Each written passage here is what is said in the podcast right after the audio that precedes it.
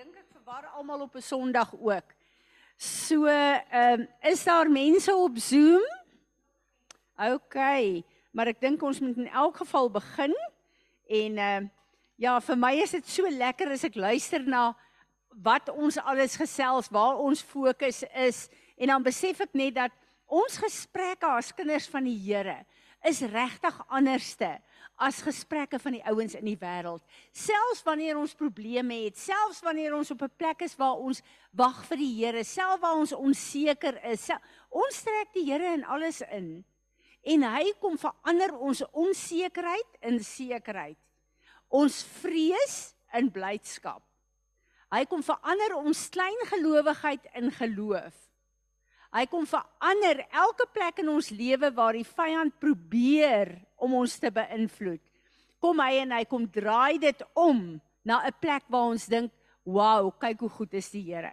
Ons het nou gister by die skool 'n situasie ook gehad en ek wil vir julle almal sê, wanneer die vyand se werke openbaar word in julle lewe, moenie dink, "O land, wat gaan hier aan nie." Dink, wow, niks kan in die duisternis bly nie want my God bring dit aan die lig dat ek saam met hom kan staan en hierdie goed kan kanselleer en nietig verklaar. Baie keer is iets met ons en ons kinders gebeur. Nou raak ons op 'n plek van, "Sjoe, uh jy's oorweldig." Daai plekke word vir jou gehighlight want jy moet opstaan. Ons gaan vandag lekker kyk. Ek het hierdie uh uh week geluister na een van die leiers wat wat gepraat het en lekker gepraat het oor die plekke waar die vyand ons bind en hoe lyk sy strategie en wat moet ek en jy doen daar. So ek is opgewonde dat ons vandag dit gaan deel. Kom ons staan net in ons aanbid hom. Vader, Here Jesus en Heilige Heilige Gees van God, ons is so opgewonde om hier by mekaar te kom, Here. En ons wil vir U sê, ons uitsluitlike doel om hier by mekaar te kom is om u naam groot te maak, om u te aanbid, Here, om te sê hier is ons, ons het opgedaag, ons wil bid en saamstem met die intersessie wat in die hemel aangaan en ons wil graag u soldate, u prayer warriors wees wat opstaan en vir die vyand sê, genoeg is genoeg, jy is oorwin en die grenslyne trek in ons eie lewens en ons familie, maar ook op elke plek van invloed waar U ons gesit het. Maar Vader, voordat ons kom, wil ons sê, ons is U offers, ons lê onsself neer, Here. Kom met U vuur en kom brand. Maar Here, ons wil kom en ons wil sê, vanaf hierdie plek wil ons met ons oorgelewerde lewens onsself kom onderwerp aan U en vir u kom sê Here, ons kom weerstaan die vyand in sy werke, want ons onderwerp ons aan u en u woord.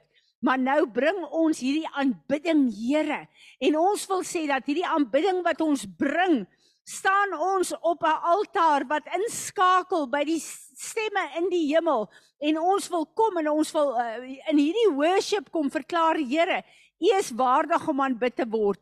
En U die Here ons God is dieselfde gister, vandag tot in alle ewigheid.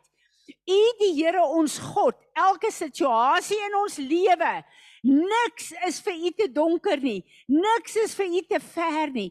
Niks is vir U te uh de mekaar nie. Niks is vir U te um uh, onvrugbaar nie. As ons U kies, kom U in en U kom verander alles. So ontvang hierdie aanbidding en word verheerlik. Amen. Kom ons aanbid hom julle. Ek nou net so skuif dat ek almal kan sien. Daar sê Julie, is so lekker om jou persoonlik hier te sien, hoor. Wonderlik. Wie is op op ehm um... Okay, Riet en Anele, julle twee is saam met ons hier uh in die gees en uh ek glo dat die Here ons gaan bedien op 'n baie spesiale manier vandag. Uh vir my is dit 'n interessante tyd waar ons 'n Sondag het ons 'n baba ingeseën. En vir die eerste keer in al die jare van bediening, laat die Here my toe dat die inseëning omgedraai word in 'n bekeringsboodskap ook en 'n geleentheid om mense na die Here toe te bring. Dinsdag is ek by 'n begrafnis, die begrafnis van Johan ehm um, Skuman. 'n boer uit Hopefield begrawe hom.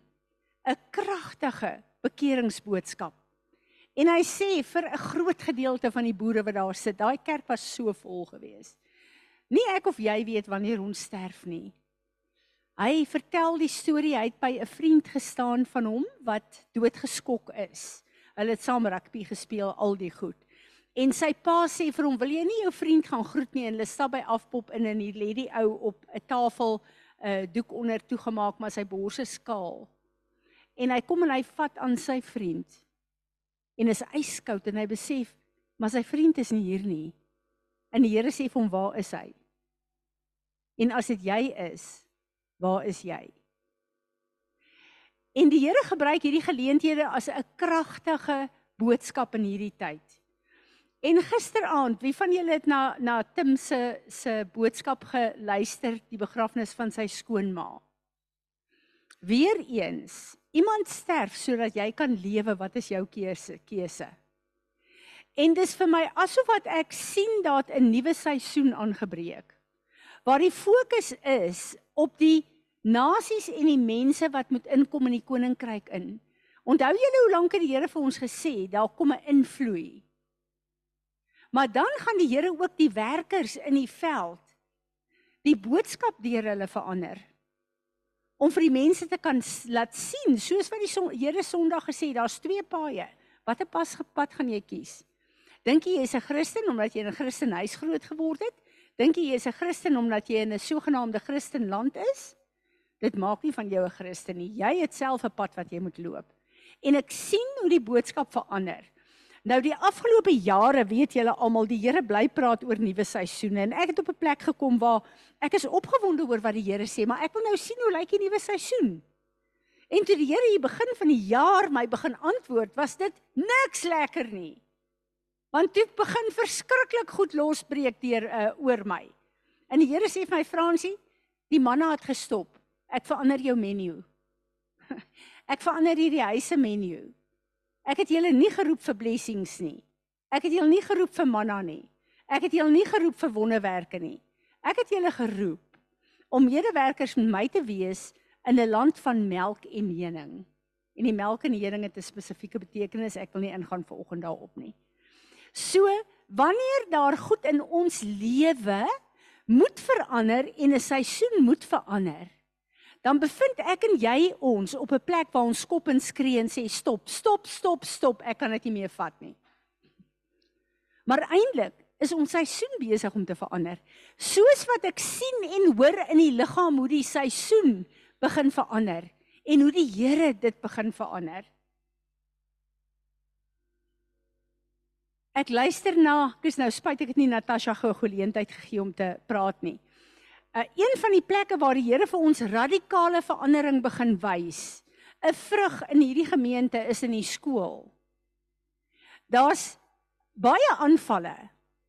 Maar daar's skielik goed wat besig is om te skuif en te land wat my baie senuweeagtig maak, maar baie opgewonde maak want die werk wat God begin gaan hy self volbring. Ons hoef nie bekommerd te wees en rond te hardloop en op en af te spring nie. God is getrou aan homself. Dit het ek geleer in my lewe al. En toe die Here gesê het, Willa was deel daarvan jare terug. Ek wil hê julle moet 'n Christen skool begin want ek wil 'n profetiese aksie hê van generasies wat opgerig word as goddelike leiers. En groot mense wil baie keer nie hulle ore oopmaak nie. So ek gaan jou die geleentheid gee om van onder af te begin in kinders te programmeer. En ek onthou, ek het gesê Here, dis ons het gebid dat die spoeg, spoegspad, daar was so passie, daar was so teenwoordigheid van die Here. Maar toe toe raak ek benoud want ek het ja gesê, maar ek is nie opgelei nie. Ek is nie in die onderwys opgelei nie. Ek het geen kennis, ek het niks nie. En toe begin my wroging met die Here en die Here sê vir my Fransie, Ek het jou nie geroep om alles te doen nie. Ek het jou geroep om ja te sê want ek wil van jou 'n deur maak. Ek sal die mense van ekspertise rondom jou plaas. Jy moet net ja sê en bereid wees om die ding te dra. En ek was so verlig. En God is so getrou. Ons is hierdie jaar presies in die 9de jaar. En vandat ons begin bid het, het God 9 jaar gevat, willa, om die skool te begin. Die getal 9 beteken birthing. So toe ons met 'n passie gebid het, het God ons bevrug met sy plan. 9 jaar later toe land die skool. Ons is 9 jaar vorentoe. En die Here het my baie bold laat bid destyds. Nie net 'n skool nie, 'n laerskool nie, maar ook 'n hoërskool, nie net 'n hoërskool nie, maar ook 'n Christen universiteit. En ons laerskool is nou goed gevestig. Ons het ek dink 147 kinders, 'n uh, klompie onderwyseresse. Ons uh, dis 'n goed gevestigde skool wat ons nog nie nodig gehad het om 'n sent van die staat te kry nie. Vir al die onder, uh, vir al die uitgawes en al die onderwysers se salaris. En toe begin die Here met ons te praat en die ouers kom na ons toe en sê: "Ons kinders kan nie na graad 7 na sekulêre skole toe gaan. Ons kinders doen nie goed daar nie. Hulle is grootgemaak in 'n Bybelse stelsel en ons kinders sukkel. Sal julle asseblief 'n hoërskool begin? So volgende jaar begin die hoërskool julle. Met die ouers wat in graad 9 is en dan ons huidige graad 7 kinders.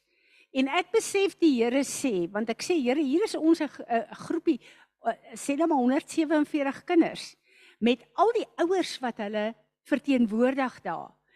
En die Here sê vir my, ek het nie gevra julle moet na getalle kyk nie. Ek praat met mense oor die wêreld om gateways te wees vir wat ek wil land.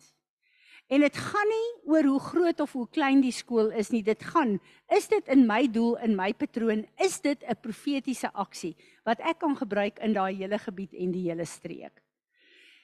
En vanaand is 'n aand wat ons net 'n worship ehm um, geleentheid het waar al die kinders gaan worship, maar die ouers sit ook hier en die gaste wat kom. So almal is welkom die van julle wat wil kom. En ehm uh, hierdie is net 'n geleentheid om worship te bring en vir die Here dankie te sê. Niks anders nie. Hierdie is 'n aand wat ons kom en sê Here, ons kom staan op hierdie altaar En ons wil net in aanbidding vir u dankie sê. Vir u getrouheid en laat ons die voorreg het om deel te wees van die werk wat u doen. So ek uh, vertel dit sommer net vir julle as 'n uh, getuienis. Daar's baie nuwe goed by die skool. Ons het jare lank gesukkel. Uh, ons het 'n 'n 'n fantastiese 'n uh, 'n uh, samestelling vir bemarking. Maar een van die groot goed is uh as jy uh fondse skenk, dan moet jy dit kan aftrek van belasting af. Ons sukkel al die jare met SARS. Ons kon dit nooit regkry nie. Hierdie jaar toe land dit. En maak dit nou makliker vir fondsinsameling. So soveel goed land en dit voel vir my dis 'n vrug wat die Here vir ons laat sien om te sê. Ek het julle geroep om nie werke op julle eie te doen nie, maar om medewerkers met my te wees in julle persoonlike lewe maar ook in die gemeente en die huis waar ek julle geplaas het. So baie van die goed wat ons gebid het in hierdie plek ook is besig om so te land en ontsluit te word. Soveel keer wat ons vir die skool gebid het, soveel keer wat ons aangeval is, soveel keer wat ons probleme gehad het en die Here is net besig om regtig deure oop te maak. So ek gee al die lof en die eer en die aanbidding vandag vir hom daarvoor. Goed, ehm um, ek wil vir julle sê een van die dinge wat ons oor ver oggend gaan bid is die hele ding van Julius Malema. Uh wie van julle het oor die nuus gesien wat gebeur het? Ons weet uit hierdie groot uh byeenkoms gehad waar daar 10000 mense is in die persele 100000 ek kanselleer dit in die naam van Jesus. Die vyand gaan nie sy uh, uh, werke nog vergroot nie. Maar waar hy gekom het en uitgeroep het, uitstekende video daai uitgeroep het en gesê het kill the boer en gestuur het en dood geproklaameer het oor hierdie nasie van ons. Dit is 'n altaar waarop hulle gestaan het. Julle almal weet dit nou al teen die tyd. En op 'n altaar moet daar 'n sacrifice wees. En toe val een van hulle eie mense, hulle dood gedurende daai byeenkoms. En dit was die sacrifice om krag te gee aan hierdie altaar. En ons gaan as ons klaar is vir oggend hier ook wil ek hê ons moet bid daaroor. Ek dink ons almal het al baie gebid daaroor en ehm uh, daar's baie groepe in Suid-Afrika wat ook bid daaroor. wat vir my 'n baie goeie ding is, is dat daar soveel mense opstaan wat sê ons weier hierdie abuse langer in ons land. En as in hierdie land soveel korrupsie is en soveel lamsakkigheid is, dan gaan ons na die wêreld beskermingsorganisasies toe. En ons vertrou dat die feit dat hulle dit doen die wêreld se fokus sit op net na hulle daai ding gedoen het. Die volgende dag is een van die boere weer vermoor. Ek weet nie of julle dit gesien het nie. So hierdie goed is 'n ernstige lig, maar ek besef die regering kan op regeringsvlak hulle protokol volg, maar die beskerming lê in die kerk van Jesus Christus. Die kinders van God wat moet opstaan en sê, ons weier dit in die naam van Jesus. Daarom gaan ek eers hierdie woord vir oggend bring. Hierdie warm en koud. Uh, goed. Daar is baie plekke in my en jou lewe waar ons patrone het van binding. Waar ons patrone het waar ons sukkel met sekere goed. En dan het ons 'n deurbraak en as ons dink ons te deurbraak, 2 maande verder, skielik word ek net weer ingeruk in daai selfde ding in. Wie van julle weet waarvan ek praat? Wat is hier aan die gang? Is ek en jy dalk slawe van die vyand? Is ek en jy dalk in 'n gevangenskap? Het ons dalk 'n wat noem jy 'n prison sentence, 'n gevangenis 'n 'n 'n wat noem jy dit wanneer jy uh, gevangenis toe gaan vir 'n uh, tyd? 'n uh? Ja, tronkstraf. Het jy dalk 'n uh, wat is 'n sentence in Afrikaans? 'n uh? Is ek dalk gefonnis om gevangenskap deur te bring. Maar omdat daar in die gevangenskap tog baie vryheid vir my is, kom ek dit nie regtig agter nie. Ek kom nie agter daar's areas in my lewe wat ek nie in oorwinning is nie. En een van die groot wapens wat die vyand hier gebruik is verslawing. En moenie dadelik dink aan drank en dwelms en sigarette en aan dink aan elke plek van verslawingspatrone wat ek en jy het.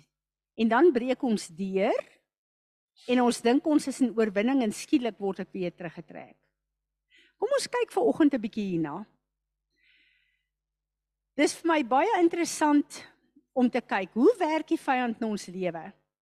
Daar's plekke waar hy ons boelie, ons afknou, waar hy ons weerstaan, waar hy goed vir ons moeilik maak. Waar ons voel jy het 'n gespartel in jou finansies. Jy het 'n gespartel in jou verhoudinge. Daar's kort kort iets wat jou wil verhinder of wat goed vir jou nie glad laat loop nie. Of is daar 'n plek waar jy gebind is in sekere areas? Waar jy voel jy het geen gesag nie, so jy het besluit in jouself ek normaliseer maar sekere verkeerde patrone want is daarom nie so erg nie. Maar tog hinder dit ons in ons lewe van vryheid en die getuienis wat ek en jy moet hê. Dis iets wat jou bind en jou terughou. En partykeer kan nie jy nie eers jou vinger daarop lê nie. Of is daar plekke waar jy weet hier is 'n plek in my lewe ek gaan dit maar ignoreer maar ek weet die vyand het 'n beheer hier oor my lewe En al probeer ek hoe hard, ek kan nie losbreek daar nie. Wat is die probleem? Dit is nie hoe ons lewe behoort te wees nie. 2 Korintiërs 2 vers 11 kom Paulus nou sê vir die Korintiërs, "Lest Satan should get advantage of us, for we are not in, uh, ignorant of his devices." Die vyand het sekere planne en strategieë wat hy gebruik in my en jou lewe om ons te bind en terug te hou.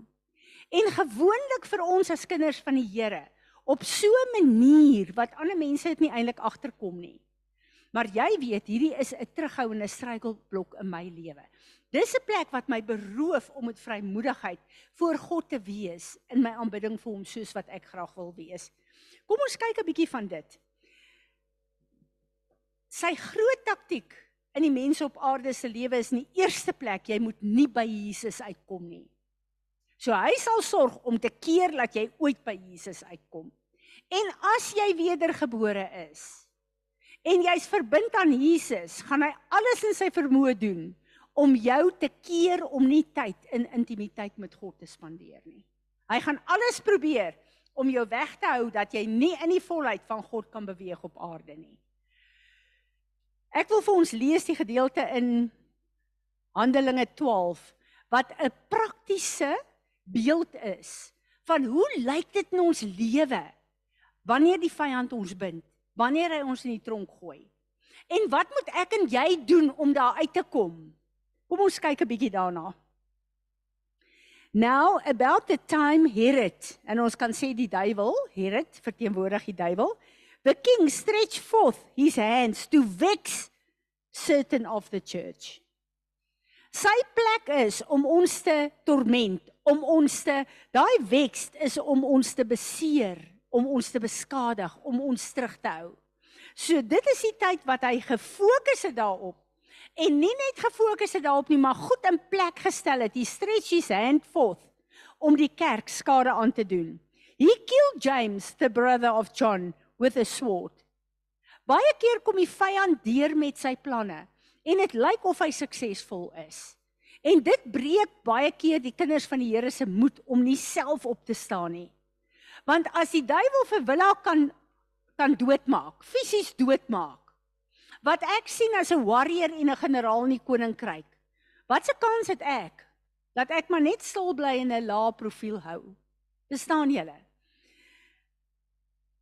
And because he saw it pleased the Jews, he proceeded further to take Peter also.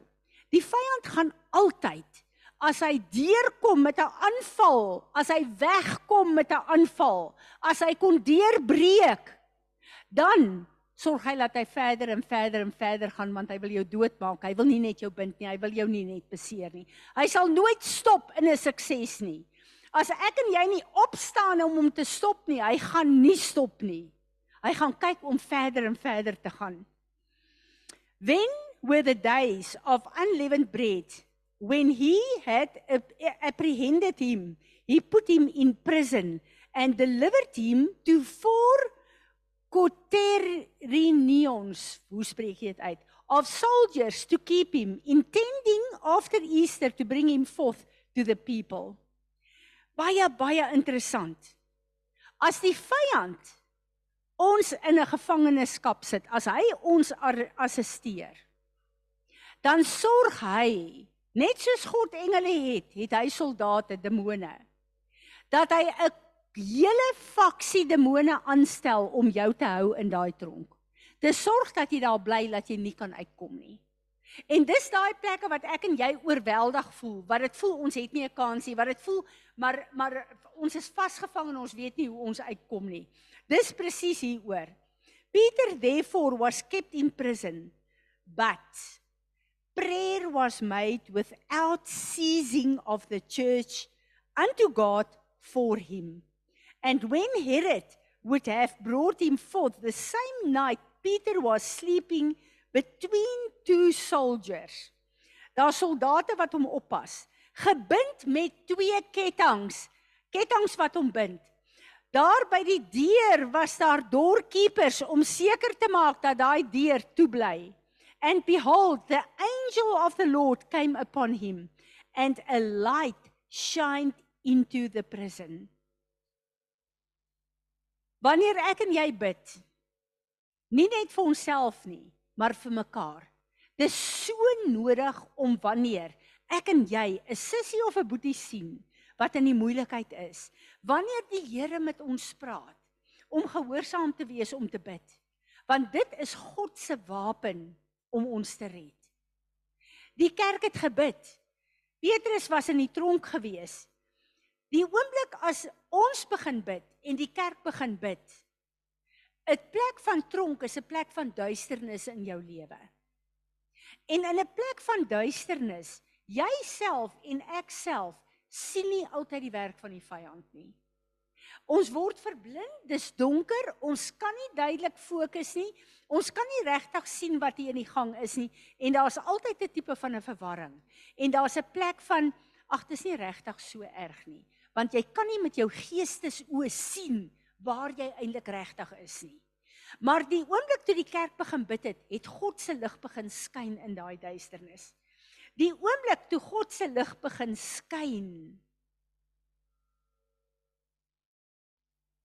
het die engel van die Here gekom.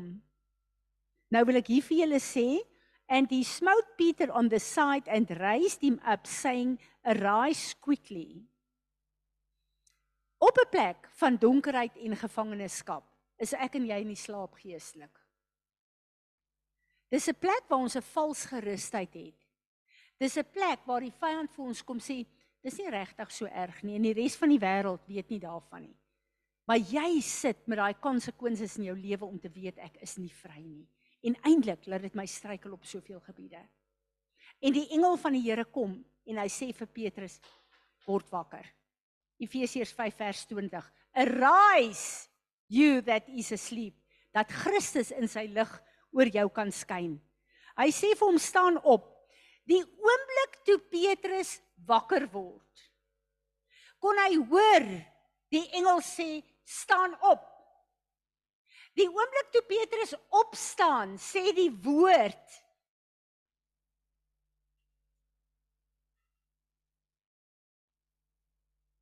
Arise up quickly and his chains fell from his hands. Die oomblik as jy opstaan, as ek opstaan, dan breek daai kettinge om ons. Die oomblik as ons opstaan, breek daai kettinge oor ons. En toe sê die engel vir hom 'n baie belangrike ding. And the angel said unto them, Gird thyself and bind thy sandals. So he did. And he said to them, to him, Cast thy garment about thee and follow me. As jy fisies 'n gevangenskap uitdien. Die oomblik as jy in daai tronk ingaan, vat hulle al jou klere en jou persoonlike goed. Hulle stroop jou van jou identiteit. Hier kom die engel en sê vir Petrus, toe Petrus wakker word en hy sien wat aangaan en die engel sê staan op en hy staan op. Dit wil sê Petrus het opgestaan en iets begin doen. Die soldaat in Petrus het opgestaan met daai aksie. Die oomblik toe hy staan, toe sê die engel vir hom, trek nou aan, trek daai skoene aan, gird die beld van waarheid en sit jou klouk om. Wat sê hy vir hom? Hy sê Petrus, hier's die wapenrusting van God. Beklee jou nou met die wapenrusting van God. Jy staan nou op teen die werk van die vyand en teen hierdie vonnis. Jy staan op. Jy sien wat nou aangaan. Jy's nie sommer net in die tronk, dis sommer net 'n verslawing, dis sommer net 'n binding die nie. Nou het jy insig en jy sien wat gebeur hier. Hierdie is nie God se plan vir jou lewe vir nou nie. Jy staan op en jy keer die werk van die vyand. Onthou die kerk bid en vra vir die Here om vir Petrus vry, vry te laat, nê? Nee. Hoe antwoord God? God kom en sê, Petrus word wakker. Kyk waar is jy? Kyk wat gaan aan. Nou staan jy op. Jy beklee jouself weer met my. Dit wil sê jy stem saam met wie jy in my is. En nou Petrus, nou laat jy weer jou posisie in my ingeneem het. Kan jy weer in die oorwinning van Jesus Christus jou Heer en jou Meester uitstap? And he went out and followed him and wist not that it was true which was done by the angel but he but he thought he saw a vision. When they were past the first and the second ward they came into the iron gate that leadeth into the city which opened to them of his own accord. As ek en jy opstaan as ons begin bid as ons wakker word dan maak die Here die oë van ons the eyes of your understanding gaan dan oop. Jy kan dan sien wat aan die gang is. Dan besef jy hierdie patrone in my lewe is nie sommer net patrone van wat weggesteek is waarmee ek sukkel, waarmee ek 'n stryd het. Hierdie is bindinge. Hierdie is plekke waar die vyand my in gevangenskap hou. En vir my is dit baie baie interessant. As jy kyk na 'n slaaf en iemand in gevangenskap. In gevangenskap het jy sekere vryhede, maar jy is vasgevang op die grondgebied van die vyand. Die vyand het grondgebied in jou lewe. 'n Slaaf kan oral vry beweeg soos 'n normale mens, maar hy is onder 'n stel reëls met sekere boundaries. So, daar's vryheid aan 'n slaaf, maar daar is sekere grense vir hom gestel wat hy nie mag oortree nie. So 'n slaaf behoort aan iemand anders. Ek en jy is bond slaves van Jesus Christus. Wat beteken in hom is ek en jy alles wie Jesus is. Is dit wat in ons lewe aangaan? Of is daar areas in jou lewe waar jy weet ek het nog nie oorwinning hier nie? En dan gaan daar 'n jaar verby wat jy dink ek is vry en dis vir jou lekker. Skielik het jy 'n relapse en val jy terug.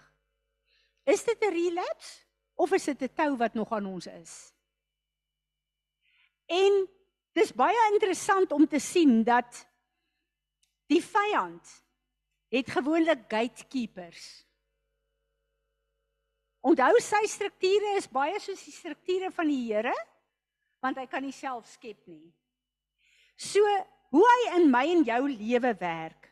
Wanneer daar vloeke in ons lewe is, of dit generasievloeke is of dit vloeke is, hoor mooi wat jy self oor jou uitgespreek het. Of dit vloeke is wat die vyand oor jou oopgemaak het deur jou sonde. Of dit vloeke is wat ander mense oor jou uitgespreek het. Die vyand het gatekeepers wat die hekke van vloeke oophou in ons lewe. Dit is sy ingang in ons lewe. Daai plekke waar hy kom, Wat is 'n vloek? 'n Vloek se oorsprong kom eintlik van God af, né? Nee? Dit is die plekke waar ek en jy ongehoorsaam aan God is. Sy woord doelbewus verwerp. In rebellie gaan teen hom. En dan kom God en judge daai plekke. Dit word op 'n plek ge, ge, gebring. Dis nie daai onwillekeurige sonde van sjoe, ek moet nou onthou ek het vir Georgie gejok. Ek uh, ooh land ek uh, niemand moet net uitvind, maar ek het nog nooit vir Georgie gejok nie en dis nie my manier nie, maar ek weet dit was verkeerd. Dis nie daai plekke waar ons onwillekeurig goeders doen wat verkeerd is. Dis daai plekke waar ons verkeerde goed as 'n patroon in ons lewe beoefen. Galasiërs 5 4 vers uh, uh, 19, 5 vers 19. Dis waar ons 'n sondepatroon beoefen. Dan kom God en hy kom judge, want ons het geen repentance nie en ons rebellie maak witchcraft oop oor ons wat beteken ons maak 'n deur oop vir die vyand want ons is gehoorsaam aan hom met ons ongehoorsaamheid aan God. So ons kom en ons skuif onder God se beskerming. Daai wolk en vuur wat God die Israeliete mee gelei het. In die gees gaan ons onder God se wolk van beskerming uit. En ons volhard in die sonde en die patrone van die duiwel. En dit maak witchcraft oop en vestig 'n vloek in ons lewe. Hierdie goed erf ons baie deur ons bloedlyne. Al daai verkeerde patrone en daai goed. Dis vir my so so interessant. Ons het in ons familie 'n uh, 'n uh, een van die jong niggies wat baie goed opgelei is. Ek dink sy 2 of 3 grade. Goeie goeie poste. Elke keer word sy geretrench of afbetaal oor 'n rede. Baie baie oulike kind, baie goed, baie, maar haar pa het 'n patroon van baie goeie werker, hoë poste beklee, maar hy is al 3 keer afgedank. Tot op 'n plek waar hy nie weer 'n werk kon kry nie. Klink dit vir julle soos 'n vloek? 'n Vloek het niks te doen op hoe oulik jy is of hoe goed jy opgelei is nie. As daar 'n vloek is, dan gaan jy daai vloek erf as jy nie daarmee deel met die bloed van Jesus nie. So is daar baie vloeke wat vir my en jou arrest. En wanneer daar 'n vloek is, en ek noem 'n paar ongelukke, baie ongelukke wat gebeur. Huwelike wat tot niet gaan, huwelike wat ongelukkig is. Plekke waar jy misluk. Dood. Soveel on ehm um, dood wat wat onnodig is. Jy weet net sommer hierdie is nie God se plan nie. Siektes. Kroniese siektes is baie keer 'n tipe van 'n vloek. Geestesgesondheid. Onvrugbaarheid. Dis 'n soos 'n wolk wat jou volg oral waar jy gaan. En jy is kind van God. Manifesteer die goed. En dit bring verwarring vir jou en vir baie mense wat na jou kyk. Want wat gaan hier aan? En dit het niks te doen met wat Jesus vir ons sê in this world you will have trials and tribulations nie. Hierdie is plekke en patrone in my en jou lewe waar ons nie kan deurbreek nie. Dis nie net elke nou en dan se aanvalle nie. Dis 'n plek waar jy weet ek is in gevangenskap hier. En dan is daar 'n plek waar soveel kinders van die Here geleer word en gesê word. Jesus het alles op Golgotha vir jou vol, volbring. Daar's maar sekere goed wat ons moet deurleef. Maar ons moet weet, ons gaan moeilikheid op hierdie aarde kry. 'n 100% die waarheid. Maar 'n aanval is iets anders as 'n gevangenskap. En gevangenskap het altyd te doen met verslawing. Daar's gewoontepatrone wat soos verslawing in en deur jou werk. Daar is ons as kinders van die Here kyk na die groot verslawings en dink, "Sjoe, uh ons kan nie verstaan dat mense aan pornografie verslaaf raak nie." Wat van verkeerde boeke wat ons lees en binge sepies wat ons kyk en programme wat ons kyk? Dis 'n verslawing. Wat van te veel pynmedikasie gebruik? En ek het geleer dat 'n mens se liggaam kry ook 'n stem. En mense wat verslaaf is aan pynmedikasie. Dit is nie 'n voorskrif wat die dokter vir jou voorskryf soos antibiotika waar medikasie jou help om deur sekere siektes te veg nie. Hierdie is medikasie wat jy gebruik. Elke keer wanneer jy voel goed is nie lekker nie, vat jy dit. Voor jy weet waar jy is, neem jy pynmedikasie uh onwillekeurig as deel van jou lewe want daar's 'n soothing, 'n verslawing ding in hom.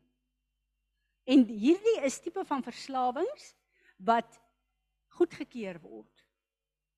Dis 'n plek van gevangenskap. Of ek en jy dit wil weet. Dis 'n plek van gevangenskap. Een van die dinge waarmee ek sukkel en ek sê dit onder die bloed van Jesus, hoe ouer ek word, hoe meer het ek 'n stryd daarteenoor. Ek sukkel met kosverslawing. Ek is nie op die gewig wat ek behoort te wees om 'n gesonde, normale liggaam te hê nie. En sekere tye gaan dit wonderlik goed en as ek lekker gedissiplineer, skielik gaan ek in 'n kosbinging in. Wat gaan aan? Hierdie is 'n patroon van gevangenskap. En ek is op 'n plek waar ek sê genoeg is genoeg. Die goed waar die vyand ons oor die kop vryf en sê, "Ag, dis okay, is nie so erg nie, almal sukkel daarmee." Nonsens. Jesus het betaal vir ons om 'n vryheidslewe te hê, 'n gesonde liggaam te hê. En ek gaan nie 'n medewerker met die vyand wees om my liggaam te vernietig sodat ek vroeër doodgaan om vir hom nie meer 'n probleem op aarde te wees nie. Ek gaan solank op hierdie aarde lewe is wat my God bepaal het, ek moet op hierdie aarde wees. So julle gaan miskien vir my sê Fransie, daai kos ding sukkel ons almal mee en dis nie regtig so erg nie. Ons leef dit behoort nie daar te wees nie. Dis 'n tipe van verslawing. Dis iets wat ek nie kan beheer nie. Voor ek my kan keer, dan is ek op daai plek. En dis nonsens, dis 'n plek van verslawing. Ek wil daai ding uit my lewe uit hê. Ek wil daai ketTINGS van my lewe af hê. Daar is nie 'n plek meer wat ek gaan toelaat om te sê dis nie so erg nie. 'n Binding is 'n binding. En ek gaan dit nie ook kyk en ek gaan sê hierdie is 'n binding, ek wil dit nie daar hê nie. En vir die Here vra my om te help om die dissipline in my lewe in te bring. Fisies en geestelik dat ek 'n fiks soldaat kan wees vir sy koninkryk en dat ek nie 'n gateway gaan wees vir vloeke waar 'n uh, sarsies demone aangestel kan word om my te hou op 'n plek van van 'n uh, 'n uh, neerlaag nie. En ons moet weet, soos wat die vyand sy sarsies demone aanstel om deure oop te hou en ons in gevangenskap in te hou. Waar kry hy daai patroon en daai reg? By ons God. Daar is soveel skrifte in die woord waar die Here sê dat hy sy engele opdrag gee om ons te help, om ons te beskerm. Daar is soveel voorbeelde in die woord daarvoor. As ek kyk na Eksodus 23 33 vers 2 waar die Here sê I will send an angel before you and I will drive out the Canaanite, the Amorite, the Hittite, the Perizzite, the Hivite and the Jebusite. Die Here sê een van die werke en opdragte van sy engele wat hy as werkers vir ons geskape het is om voor ons uit te gaan en hierdie uh, magte van die hel uit te dryf. Ek en jy hoef dit nie te doen nie. Ek en jy moet net opstaan met die wapenrusting van God, 'n medewerker wees en deur ons monde bid en verklaar wat God wil hê ons moet bid en verklaar. Hy gee sy engele opdrag om in die gees hierdie magte uit te dryf. Psalm 91, ons quoteer dit so graag as 'n beskerming. Vers 11: For he God shall give his angels charge over thee to keep thee in all thy ways. Die Here het engele wat hy opdrag gee om my en jou te beskerm, om ons te begelei op hierdie pad. Maar hy kan dit nie doen as ons die vyand grondgebied gegee het in ons lewe nie. En as ons in gevangenskap sit op die plek waar die vyand ons wil anker nie. Ek en jy moet hierdie ketTINGS afskud. En dan kom hy Psalm 103 vers 20, my geliefde skrif. Bless. Gratefully praise the Lord. You his angels, you the mighty ones who do his commandments, hearkening to the voice of his word. Die oomblik as ek en jy die woord van God uitspreek en bid, gee hy sy engele opdrag en hulle kom en hulle vervul daai woord. So ek en jy moet opstaan. Ons moet die vyand begin weerstaan. Ons moet toelaat dat God se lig die duisternis verwyder sodat ons in ons verstand en in ons oë verlig kan word. Dat ons elke plek van gevangenskap gaan sien, gaan herken en gaan erken en sê hierdie is 'n plek waar die vyand my bind. Ek gaan nie langer daar sit en dink dit is nie te erg nie en niemand weet daarvan nie en dis aanvaarbaar want almal doen dit. Jesus is ons standaard. Alles buite sy standaard wil ek nie in my lewe hê nie. Hy het gekom en hy het gesê hy het vir ons nuwe skepsels gemaak. Hy het gekom en hy het gesê hy het sy gees vir ons gegee. Sy gees is in ons om ons te help op hierdie pad. Sy gees is daar om vir ons te wys watter grondgebied die vyand het. Sy gees is daar om vir ons te wys ons kan losbreek uit hierdie gevangenskap. En wat het Petrus gedoen? Petrus het heel eerste het God se die gebed van die gelowiges het die lig van God laat skyn in daai plek in.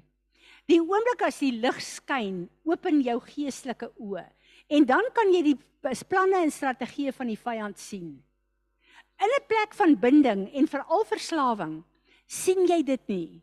Jy aanvaar dit, jy normaliseer dit. Want is eintlik oukei. Okay. Dis nie oukei okay nie. Dis 'n plek van binding.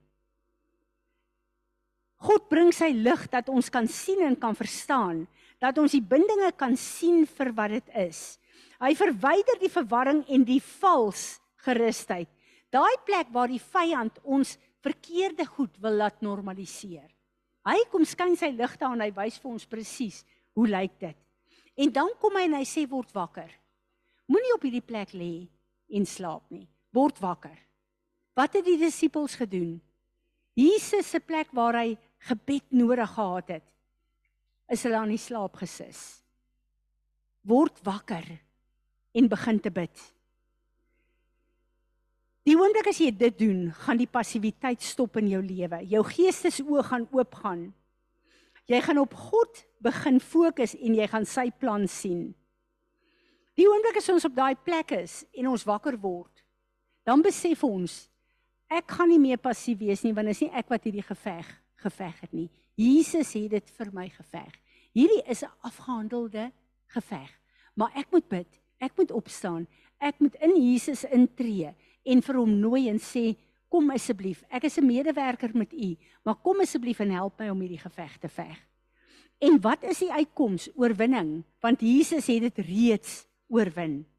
Hierdie plek van passiwiteit is 'n plek waar ons letterlik aan die slaap is, waar ons so baie probeer het en nooit oorwin het nie. En dan raak ons passief en dink, nee, wat as ek dit net bestuur tot op 'n plek waar ek kan cope, is ek okay. Nee. Dis tyd. Die Here het 'n nuwe ding oopgemaak. Sondag se woord van Esegiel 47 wat ek laasweek ook gedoen het, het so 'n werk in my lewe gedoen. Ek wil op die plek kom waar ek opstaan. Waar ek staan met die water by my enkels. Maar dis nie waar ek wil bly nie. Dit moet my op my knieë bring waar ek alles onderwerp aan Jesus. Dit moet my op 'n plek bring waar daai rivier en God se plan my van my voete afvat en waar ek saam met hierdie stroom gaan sonder dat ek meer 'n keuse het. Want ek het klaar gekies by die enkels, by die knieë. Ek het klaar gekies. Ek het klaar tot God genader. Ek en jy staan op ons nader tot God. En dit is vir ons moeilik want ons moet passiwiteit moet ons oorkom. Daai lamheid, daai klein gelowigheid, ons moet dit oorkom. Die oomblik as ek en jy deurdruk as ons op ons knie gaan, dan kom daai water en vat ons. Dan neem God oor. En dit is die seisoen waarin ek en jy is. Ons is op 'n seisoen waar God gaan oorneem as ek en jy kies om hom toe te laat om oor te neem. Ek het nodig dat God oorneem. Dat al my ketTINGS afval. Dat ek op 'n plek kom waar ek in die dissipline en die vloei van sy woord is sodat ek kan bereik en uitreik na wat wie hy my gestuur het om te te wees. En ons het al so baie gepraat aan van ek en jy is gateways van God. Waar hy ons ook al laat heen gaan, klink baie keer na ons eie planne en strategieë. Hulle nei julle vakansie klink na jou plan en strategie, 'n lekker wegbreek. Julle gaan julle voete sit op grondgebied waar God wil hê jy moet grond inneem sonder dat jy dit weet. Jy is 'n gateway. Laurens jou kinders is 'n gateway wat goed gaan release in al daai plekke wat God gedeponeer wil hê daarin. Ons het hierdie idee van ons moet 24 ure dag bewus daarvan wees en geleenthede sien om vir God sy woord te bedien. Jou gees is baie meer in lyn met God se plan vir jou lewe as jou vlees. Hy rig jou voetstappe. Hy stuur jou na plekke toe wat jy dink miskien dit gaan 'n lekker vakansie wees en dit is wese van die tyd so op benei julle. Maar dis 'n ernstige plek as God jou uit jou comfort zone uitvat. Jou stuur na plekke toe want hy wil 'n werk deur jou doen en ook in jou op die verskillende plekke. Wat daarvan? En ek was baie bewus daarvan gewees toe ek in Kushadasi was, in Efese was het God 'n impartation van die ancient pathways in my gedeponeer. Wat wil hy in julle deponeer om terug te bring? So ons lewens behoort aan die Here. En elke plek waar die vyand grondgebied het, wil ek vandag sê ek gee notice. It's enough. Dis klaar. Ek gaan nie meer toelaat dat daai plekke wat onbewustelik genormaliseer is in my lewe 'n houvas plek vir die vyand wees nie. Amen. Wie van julle wil iets byvoeg hier? Kom. Ek sien daai smile op jou gesig. Kom, bring dit. Ek het laas week 3 sulke uur teachings van Derek Prins um deurgewerk en dis nou eintlik presies wat Tannie sê net in ander woorde. So sal Tannie my stop as ek uit my territory uitgaan hierso. Ek het opsommings gaan maak want hy het dit eintlik so ongelooflik eenvoudig gemaak. Um en hy het gesê hier's sewe maniere hoe jy kan recognize daar's 'n kurs in jou lewe. En um een van die goeters of die opsomming van dit is jy's net altyd Jy's nie die het nie, jy's die tuil. Want wat is die kop? Dit is die ou wat die besluite maak. Die ander ouens moet saamgaan. As jy die tuil is, is jy altyd die ou wat na iemand anderster um exactly. En daar's net nooit genoeg nie. Jy dink jy's alright, maar jy lewe nooit in abundance nie. En um daar's altyd um ja, welkom ek sê gou-gou vir julle Deuteronomie 28 is ons nou al daai um blessings en kursusse en al daai goeie so jy kan daar gaan lees alles. Maar die om nou die maklikste te sien hy het gesê sewe sewe blessings waar wat in areas van jou lewe is is um die eerste is exaltation. Tweede is reproductiveness of fruitfulness. Maak nie saak in watter area nie. Um ek meen dit kan nou in jou werk wees in jou persoonlike lewe wat ook al health, prosperity, victory, the head and not the tail, above and not beneath. En dan obviously die kursus is presies um die teenoorgestelde. So dis humiliation, barrenness, presies daai wat Tannie gesê het, sickness, poverty, failure, defeat, the tail and not the head, beneath and not above. En toe hy, wag net gou. Um Ekskuus julle, ek praat nou fees deur mekaar, maar dis eintlik so dis dis dis awesome dat dit nou um vir my laat dit so by mekaar kom. Sewe signs dat jy onder 'n kurs lewe en dis nie te sê al sewe gaan manifesteer in jou lewe nie twee of drie van daai goeters is iets wat die hele tyd herhaal, dan weet jy daar's 'n vloek op jou lewe. En hy het dit opgesom as die eerste een is mental or emotional breakdown en weer eens dis soos tannie gesê dis ook um um generational. Dis nie te sê dis net in jou generasie nie.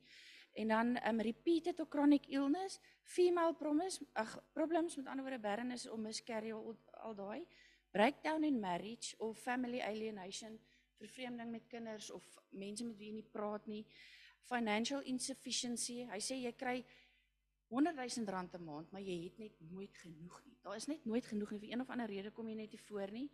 Accident prone, dan het dit ook gesê en dan 'n history of suicidal and natural deaths. En om dit dan nou dood eenvoudig te maak, die enigste kos van 'n kurs is, wel, twee goed. Not listening to God's voice and not obeying.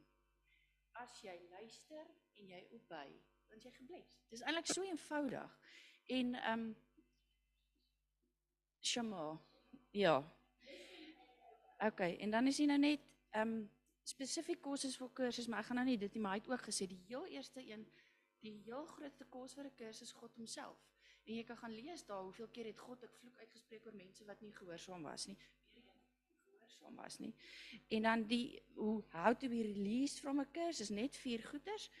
Recognize repent, renounce. En ehm um, daar's dan nou so kan ek maar dit nog lees. Ehm um, hoe doen jy daai vier goed? Die eerste een ek as jy wil sal ek dit later vir julle stuur. Establish a clear scriptural base. Confess your faith in Christ. Commit yourself to obedience. Confess all your sins. Forgive all other persons. Jy kan nie met 'n grudge rondloop nie. Want as jy nie vergewe nie, gaan jy nie vergewe word nie.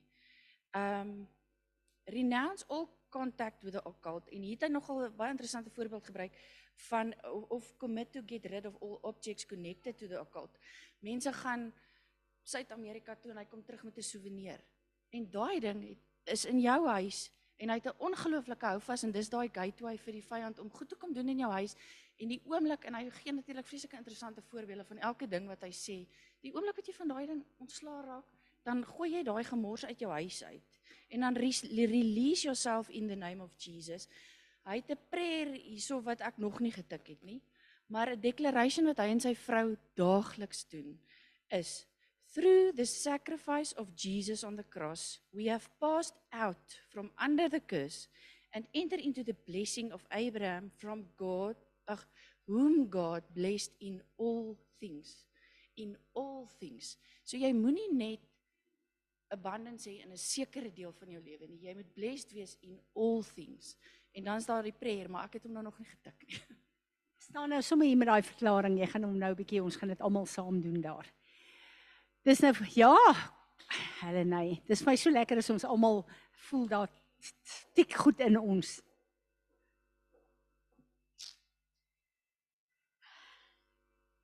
Ek besef baie van ons het so gekondisioneer geraak in Suid-Afrika. Ons leef almal elke dag onder 'n curse want jy kies dit. Um Fransie praat van die vakansie. Dit was 'n vreeslik impulsiewe besluit na Nampo. Wil my ons gaan oorsee. Nou laat dit nader kom. Vat die vrees my beet. Want ons leef in Suid-Afrika in 'n plek van jy kan nie meer lekker hê nie.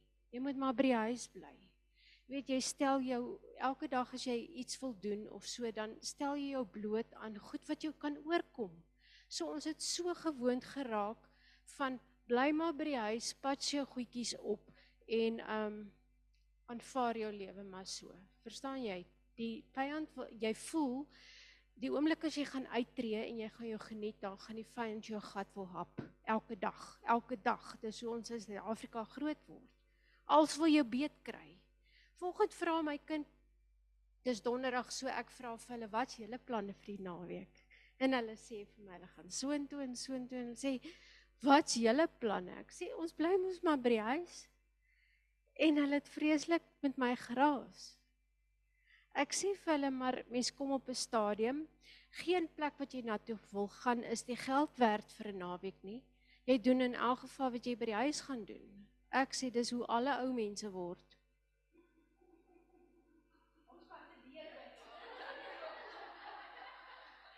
Jy weet, dit is nou maar so.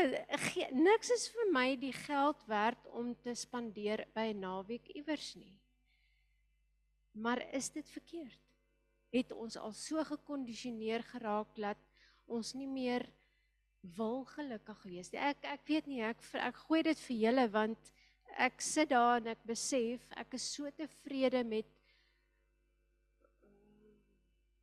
matigheid in my lewe dat die oomblik as daar iets is wat Fransie nou sê o dis eh, die jy weet oor see en sulke goed ek sien nie eers meer uit nie. Nou gaan jy uitsien. Jy gaan 'n verteenwoordiger van Jesus Christus daar wees, Willa.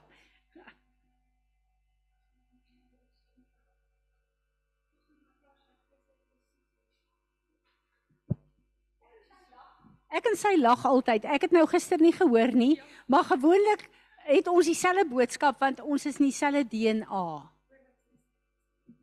Sy sê your thoughts, you must take control. Your thoughts um are your garments. Sy sê toe in die gees soos jy gesê het van die van die en toe sy gesê obedience, obedience, bound yourself to the to his word. Dit was vir my so goed die garments en sy het gister 'n ding gesê wat jy dalk nou net vir ons kan sê wat die um high priest van al die sacrifices wat hulle gebring het, weet hulle klere mos vuil geword en geweer en hulle dit opgeskeer en dit het deel geword van die olie wat gebruik is vir die for the glorifier. Maar wat ook wat sy gesê het was daai um um Revelations 19 verse 70 um for the bride his wife made herself ready. She was permitted to wear the white garments.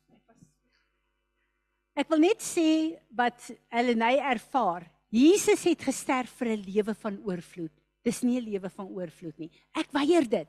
Ek sal nie toelaat dat die vyand in hierdie land bepaal hoe ek gaan lewe nie, want my God beskerm my. Daai ding gooi ek af. En die hele ding wat sy van praat, die die uh, klere van die priesters, het die wicks geword van die lampe.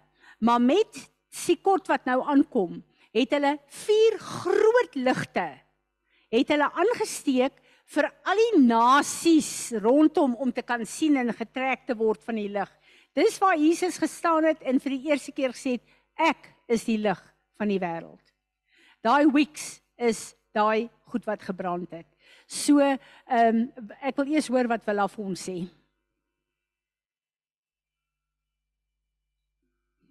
Ek dink ek het gister vir Fransie gesê ek raak so as ek hoor almal soek maniere om gewig te verloor. Ehm um, weet jy, dis so waar wat sy sê. Ek sê vir Ruben, weet jy wat? Ek is te bang om na die kinders toe te ry. Want jy weet nie wat gaan gebeur op die paaie nie. Verstaan dit, maar nonsens. Genoeg is genoeg. Dis nie waarvoor ons geroep is nie. Dis nie waarvoor ons in Suid-Afrika geplaas is nie. Te midde van die werk van die vyand, ons God is groter as die vyand in al sy werke. Ons het nou 'n ding deurgegaan met ons hond wat so kappie plastiek ding aan het wat net te lank is en ons alarm gaan elke nag seker 5 keer af. Weet julle watter stryd het ek skielik gehad met vrees wat gaan buite aan? Tot ek dit moes oorwin nou en ek my gesindheid verander van wie is op hierdie erf tot 'n plek lekker. Ek hoop julle kom almal oor my grenslyn. Julle gaan 'n ontmoeting hê met die enigste lewende God wat daar is. Verstaan jy? So dis 'n mindset. Ek en jy moet kies, gaan ons ons laat intimideer deur die vyand in die werke en gaan hy ons optrede, ons gedagtes, ons uh ons lewenslus bepaal? Of gaan ons op hierdie kant staan en sê, gister weer by die skool het daar 'n ding gebeur wat in sak en as wil almal ingaan. Ek sê prys die Here. Niks bly in die duisternis wat nie aan die lig kom nie. En daai hele ding swaai om. So ek wil vir jou sê Helenae, dit het te doen met hoe ek en jy God gaan toelaat om deur ons te lewe. En weet julle iets wat vir my my lewe verander het is toe ons een keer 'n uh, 'n uh, 'n uh, deel was van 'n konferensie gebedsspan wat Natasha hulle nou laas jaar ook was in uh, Turkye in um, uh, Istanbul met uh, Yunus hulle. En dis die eerste keer wat ek gesien het 'n konferensie het wagte voor die deure. Die vervolgde kerk. Waar hulle toemaak, daar's nie in en uitgaan van mense nie, want hulle moet sekere goed in die geheim doen. Dis gevaarlik vir hulle. Weet julle wat was daai jaar se logo vir die konferensie? Die vrouens wat daar was, baie van hulle mans is doodgemaak, baie sit in die tronk. Baie van hulle word vervolg in al die lande waar hulle is. Daar was van die ouens wat nie kon deurkom nie wat van hulle vliegtye afgehaal is deur hulle regering. So dit is die tipe van 'n vervolgde kerk waar ons was. Die logo was We all have to die once. We can just as well die for Jesus. Daai ding het my geruk tot in my wese en ek het gedink is ek so bang om dood te gaan wat eintlik my oorstap in my regte lewe is. Ek het daai tyd daar vrede gemaak in die Here. Johan en my kinders en my kleinkinders is oukei. Okay.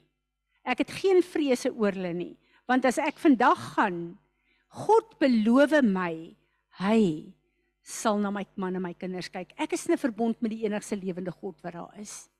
Daar's niks wat met my gebeur op hierdie aarde wat God nie kan hanteer nie. Niks en niemand kan my destiny van my wegvat nie want is vasgemaak in Jesus Christus. En al hierdie onheil wat hier aangaan, het ek en jy 'n keuse, gaan dit oor ons heers of gaan ons oor dit heers? Wat moeilik is in Suid-Afrika. Gaan ek met soveel oortuiging staan en dit sê vir daai vrou wat nou laasweek haar man vermoor is langs haar wat aangerand is. Wat kan ek hierdie selfde boodskap haar gee? Om vir haar te sê dit maak nie regtig saak nie, jy's in oorwinning. Hoor julle wat ek sê? Maar ek weet soos wat ek weet, daar is geen plek waar ek en jy op aarde kan kom wat God nie by ons is nie. En dit is vir my genoeg julle. Jesus het die volle prys betaal vir my en vir jou. Ons behoort nie meer aan onsself nie. Ons behoort aan hom. En ek gaan daai ding 'n motto van my lewe maak. 'n Motto vir my gesin maak vir al daai tye wanneer goed gebeur wanneer ons as mammas so bietjie gestuur raak. Dan wil ek myself herinner. Practice what you preach. Dis nie altyd maklik nie, julle. Dis nie maklik nie. Maar dis die plek van oorwinning. Amen. Ek wil hê ons moet almal staan, maar ek wil hê dan as ek klaar is dat uh, uh sy vir ons daai verklaring gaan maak. Dan gaan ons saam met en ek wil julle aanmoedig, sit daai goed 'n bietjie op op die groep. Gee dit vir Natasha of vir, vir Tannie Willa en sit dit op die groep. Gaan kyk hierdie goed van Derrick Prins. Dis uitstekend. En Derrick Prins is die vader wat God gebruik het om bevryding op aarde oop te maak. Hy het uh sy goed is so verstaanbaar. Party van die ouens se goed is vir jou so veral in Engels is 'n bietjie vir jou 'n uh, uh, bo jou vuurmaakplek. Sy goed is ABC om by Z uit te kom. So gaan dit weer al het ons baie van daai goed deur gegaan, gaan dit weer deur vir julle en julle gesinne. En hierdie verklaring, ek het 'n het ek die ding op die uh, groep gesit van daai pray in tongues 10 minute elke dag. Ek sal dit opsit, luister dit. Maak deel van julle strategie elke dag. Time jouself in die begin om vir 10 minute in tale te bid. Dis 'n kragwapen. En doen hierdie verklaring wat sy wat ons almal hardop gaan doen. En dit is letterlik deur ons monde, die verklaring wat ons maak vir watter wolk is oor ons. God se beskerming of daai wolke van die vyand. Kom ons staan. Vader, ons wil ver oggend kom neerbuig in aanbidding voor U en ons wil vir U dankie sê vir hierdie woord. En ons wil vra Vader, elke plek in ons lewe waar daar 'n deur is vir die vyand om verslawing, opressie, depressie goed in ons lewe te laat werk. Ons wil dit voor U bring, Here. Ons wil ver oggend kom en elke vloek op ons generasies Elke vloek wat ons self oor ons gebring het. Elke vloek waar ons onsself vervloek het, waar mense ons vervloek het, waar ons sonde vloeke oor ons opgerig het. Ons wil vandag kom en ons wil sê Here, ons ongehoorsaamheid aan U en U woord is rebellie. Vergewe ons asseblief vandag, Here. Ons wil soos wat U vir Israel geroep het en gesê het, Heer and obey. Wil ons vandag ons ore oopmaak en sê Here, ons het gehoor. Maar ons wil nie net hoor nie, ons wil U gehoorsaam en daarom wil ons kom vergifnis vra. Namens onsself, maar ook ons voorgeslagte vir alle hardnekkige patrone, vir sonde, vir ongeregtigheid wat hierdie vloeke oor ons kom oopmaak het. Asseblief vergewe ons, Here. In ons eie lewe waar ons nog steeds ehm um, uh, uh, gedragspatrone en gedagtepatrone het om hierdie goed in stand te hou. Wys vir ons Here. Ons wil vergifnis vra. Ons wil verander hier. Ons wil wakker word vir oggend, Here. Maar ons wil nie net wakker word nie, ons wil opstaan. Ons wil ons bekleë met u volheid en u wapenrusting. Here, en ons wil uitstap uit elke plek van gevangenskap. Ons wil vra dat U elke een van hierdie vloeke vandag oor ons sal breek in die naam van Jesus. Ek wil vra dat U die kettinge van slawerny sal losmaak. En ek wil vra Here dat U lig al die duisternis van die vyand sal kom verdryf. En ek bid dat U elke een van ons se oë van ons sal verstand sal kom verlig dat ons kan sien waar daar goed is wat ons na U toe moet bring sodat ons daarmee kan deel en U bevryding en verlossing en genesing en herstel deel kan word van ons lewe. Help ons Here. Ons wil tot U nader, nader tot ons. Ons wil ons onderwerp aan U en ons wil U woord gehoorsaam want ons wil die pad stap wat U ons voetstappe inrig. En wanneer ons hierdie verklaring maak, Here, bid ek dat soos wat ons dit maak, dit opgerig sal word as 'n banier oor ons en ons gesinne. Dankie, Izan. Almal saam sê. Okay. Through the sacrifice of Jesus on the cross, we have passed out from under the curse. and enter into the blessing of Abraham. whom God blessed in all things.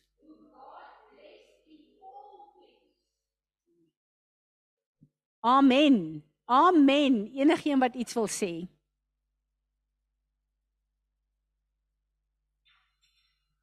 Um, ek glo die vyand werk baie hard aan ons in Suid-Afrika tot vreesagtigheid. En jare terug, ek weet nie, ag dit was iets soos 15, 16, 17 jaar gelede. Toe sê Johan eendag vir my, ons moet onder ons voete hê 1 Josua 1 vers 3. En ek en Giepie was al die van julle wat ons goed ken weet ons is baie diep diep diep boskampers. En ons was al op vreemde plekke en in vreemde situasies en goed. Janine sê altyd ons is onverantwoordelik. En ons het um en ons ons glo dit ons hele hart. Ons altyd glo dat ons hou in die oggende saam verbond smaak en ons doen dit al is ons met vakansie. Ons sorg dat ons daai tyd eenkant het en ek glo daar staan onder ons voete in die gees staan Josua 1 vers 3. En waar hy vir jou grondgebied gee, glo ek is jou beskerming. Al die baie lande wat die Here my voorreg gegee het om te gaan, as ek geestelik in 'n opdrag vir die Here gaan, as ek van daai vliegtyg afklim, dan staan ek 'n rukkie stil. Dan sê ek, Here, grondgebied neem ek in vir U. U weet wat nie gang is, ek weet nie, maar U het my hiernatoe gestuur. En hoor by die Here of jy Josua 1 vers 3 onder jou voete moet sit. Ek het dit vir jare onder Johan se skoene geskryf gehad en gesê hy sal grondgebied inneem vir die Here. Dis profetiese aksies en dan pak jou verbondstekens in. In elke land doen jy en Lawrence 'n verklaring en verklaar vir al daai magte en kragte Jesus Christus is ons Heer, ons meester. Hy is die een van oorwinning. Proverbs 31 verse 25 Strength and dignity are her clothing and her position is strong and secure and she smiles at the future knowing that she and her fam family are prepared. Hierdie is 'n woord vir jou Helenae. Proverbs 31 vers 25. Dis 'n woord wat die Here vir jou gee. Ek wil hê ons moet staan. Vader God, ons kom vandag as Suid-Afrikaners voor U. En ons wil kom vergifnis vra. Namens ons regering vir al die goddelose werke en planne wat hulle in die openbaar verklaar oor hierdie nasie. Ons wil kom vergifnis vra vir al die witchcraft, vir al die divisie, vir al die korrupsie. Here, ons wil kom vergifnis vra vir die disunity in die verskillende partye. Ons wil kom vergifnis vra vir hierdie moordgees wat hulle release oor ons land. Ons wil kom vergifnis vra vir al hulle witchcraft rituele en bloedvergieting. Vader, hierdie is 'n gruwel in u oë. En ons as Suid-Afrikaners wil voor U kom buig en sê vergewe ons asseblief. Here, ons is ook Suid-Afrikaners en ons word gesien in dieselfde oë as wat hierdie leiers gesien word. Here, ons weier dit. Ons wil sê elke wet, elke uitspraak, elke woord in hierdie land wat deur ons regering gespreek word teen U en U woord sê ons nee. Ons die kerk, die liggaam van Christus sê nee. Ons vra vergifnis elke plek waar hulle teen Israel opstaan en saam met die Palestynë uh um Israel wil vernietig. Ons vra vergifnis daarvoor en ons sê Here, hierdie banier wat ons opgerig het, verklaar ons staan saam met Israel en die Jode want hulle is u mense, u uitverkore volk en u het gesê ons moet vir hulle bid en ons moet bid vir die vrede van Jerusalem en dit is die keuse wat ons doen. So alles wat verklaar word, alles wat gesê word, alles wat vervloek word deur ons regering teen een u woord, ons vra vergifnis daarvoor en ons sê ons stem nie daarmee saam nie. Vader, daardie altaar wat gediens is deur Julius Malema met al daai stemme wat in agreement gegaan het, Here, as 'n magtige oorlog teen u en teen die mense van Suid-Afrika. Ons wil kom Vader en ons wil ons beroep op u. Ons wil vra dat elke offer wat daar gebring is, alle bloed wat daar gevloei word, dat dit kragteloos gemaak word deur die bloed van Jesus. Ons wil kom verklaar dat die bloed van Jesus vir Suid-Afrika gevloei het en geen bloed kan vergelyk word met sy bloed nie. En sy offer is tot in alle ewigheid ja en amen. En ons wil vra Here, alles wat geprofeteer is, alles wat gesê word, alles alle rituele wat daar gedoen is, Here, teen hierdie land en sy mense, Ons wil dit nietig verklaar in die naam van Jesus. Ons roep vandag u vuur af. Kom verbrand alles, kanselleer daai stemme in die naam van Jesus en ons wil kom en ons roep na vore God se profetiese destiny vir hierdie land. Ons bid vir die verkiesing van volgende jaar en ons bid Here dat u sal kom met 'n skudding en dat u elke altaar en troon van regering wat nie van u af is nie sal laat val en in mekaar sal laat tuimel. Dat u elke Shepna sal fire in die naam van Jesus en dat u die Eliakims voorberei om hulle plek in te neem in die plek van regering in Suid-Afrika. En Here, ons wil u herinner, u het gesê deur soveel ware profete Suid-Afrika will be a sheep nation. En ons staan daarmee, Here. En U het gesê Suid-Afrika sal op 'n tyd die broodmandjie van die wêreld wees. En ons sê ja en amen daarvoor. So ons stem saam met U profetiese bestemming vir hierdie land en vir die volke in hierdie land. En ons kom fokus op U, Here. En ek wil vandag kom verklaar in die aangesig van al hierdie magte en kragte Filippense 2 vers 9 en 10 sê: Elke knie sal buig en elke tong sal bely dat Jesus Christus van Nasaret die Heer en die meester van Suid-Afrika is. Here Jesus, u bloed het dit bevestig. En ons sê almal saam: Amen. Amen. Nog iemand met 'n woord? Amen. Mag die Here elke een van julle met soveel vreugde en nuwe hoop en nuwe moed seën en mag hy ons voetstappe rig en mag ons sy hand kragtig in beweging sien in ons lewe, ons families en alles wat in ons behoort. Amen.